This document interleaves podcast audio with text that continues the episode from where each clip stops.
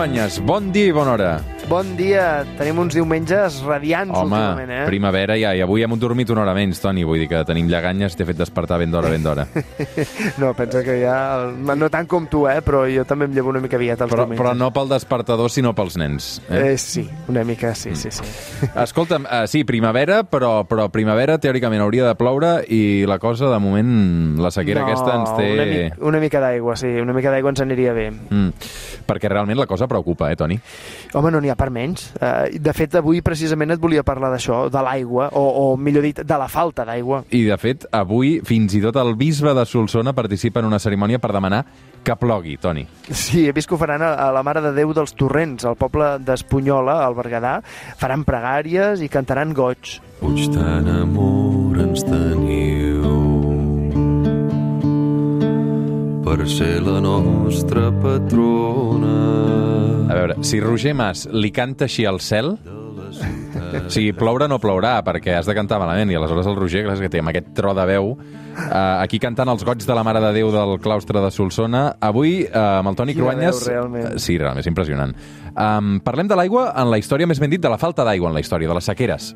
De la necessitat d'aigua per part de la humanitat que ha fet que eh, sigui sempre un element central, comú a totes les civilitzacions. I a sobre, les cerimònies per aconseguir que plogui hi ha prop nostre a molts pobles els vots de vila que se celebren com a promesa per una mare de Déu o un sant que van fer ploure en un moment de sequera històrica, però potser la cerimònia més popular és la coneguda com la, la dansa de la pluja, que és una tradició dels indígenes nord-americans. Eh, sona així.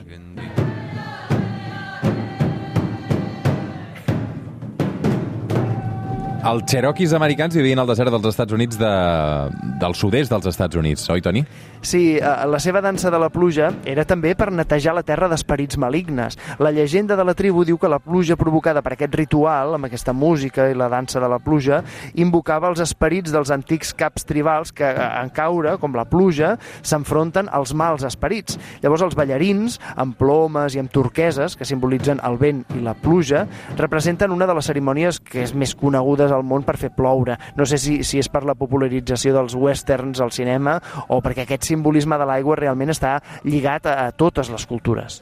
Al cristianisme, per exemple, l'aigua està lligada a la neteja dels pecats.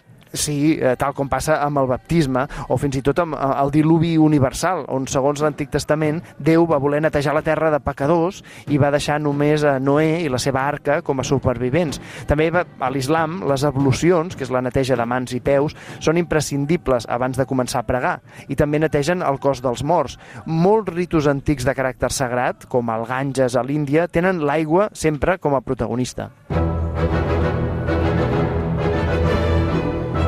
De fet, la gent sempre ha viscut a prop de l'aigua, històricament. Les civilitzacions que han progressat, que van florir i créixer, totes van sorgir al voltant de rius i de vies navegables. Mesopotàmia, per exemple, que és el bressol de la nostra civilització, es troba entre els dos grans rius Tigris i Eufrates. I l'antic Egipte depenia totalment del riu Nil, o, o la Xina, que va néixer i créixer al voltant del riu Groc. Però és que encara avui grans metròpolis actuals com Rotterdam, Londres, París, Nova York, Tòquio, Buenos Aires, tots deuen el seu èxit a l'aigua i a l'accessibilitat del comerç. I també a Catalunya. Clar, la majoria de pobles i ciutats estan situats en llocs amb accés a l'aigua, pri primer per beure, però també per regar, per comerciar i finalment per fabricar. Barcelona, ara que parlàvem de grans ciutats, doncs és un bon exemple. Al llarg de la seva història s'ha vestit la gent amb aigua de dos rius, que són els que la limiten, el Llobregat i el Besòs, i a banda les rieres o rierols que baixen de Collserola i, i també de l'aigua que hi ha al subsol. A l'època dels romans es van construir un aquaducte per portar l'aigua del Besòs. Després, a l'edat mitjana, es va perdre part de l'enginyeria romana i es va fer servir sobretot el conegut com a rec comtal, que és una sèquia de rec mil·lenària documentada des de mitjans del segle X. A l'inici, el rec comtal era de caràcter reial, és a dir, que mm, era propietat privada del rei, perquè ens entenguem, i abastia els 13 molins que hi havia abans d'arribar a Barcelona, des de Montcada i Reixaca, que és on començava. Tothom havia de pagar tributs al rei per poder fer servir aquesta aigua, i d'allà en sortia l'aigua pels horts, a la banda del mar, i per la vinya, a la banda de muntanya. La sequera més greu es va viure a Barcelona al segle XIX, Toni. Clar, pel clima, eh, el clima mediterrani, a partir del 1627 els episodis de sequera registrats es van repetir molt sovint a tot Catalunya. Això va causar escassedat de blat i d'aigua. De vegades, la manca d'aigua al rec comtal també impossibilitava moldre el blat als molins. I clar, aquesta situació va arribar a causar disturbis a Barcelona, a la resta de Catalunya, i com deies, llavors va ser a principis del segle XIX que Barcelona va viure la pitjor sequera de la seva història, que va derivar en una gran mortaldat.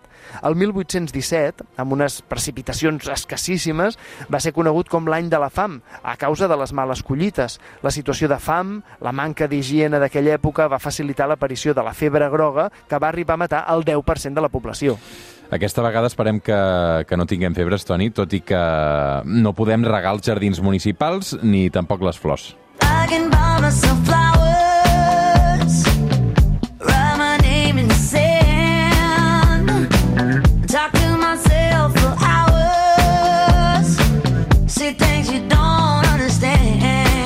les 9 del matí amb aquesta cançonassa Flowers de Miley Cyrus. Quina passada de cançó. Mm, sí, la tinc al cap i només faig que repetir. No, no podrem regar les flors, però almenys ens queda la cançó de I la tant, Miley Cyrus.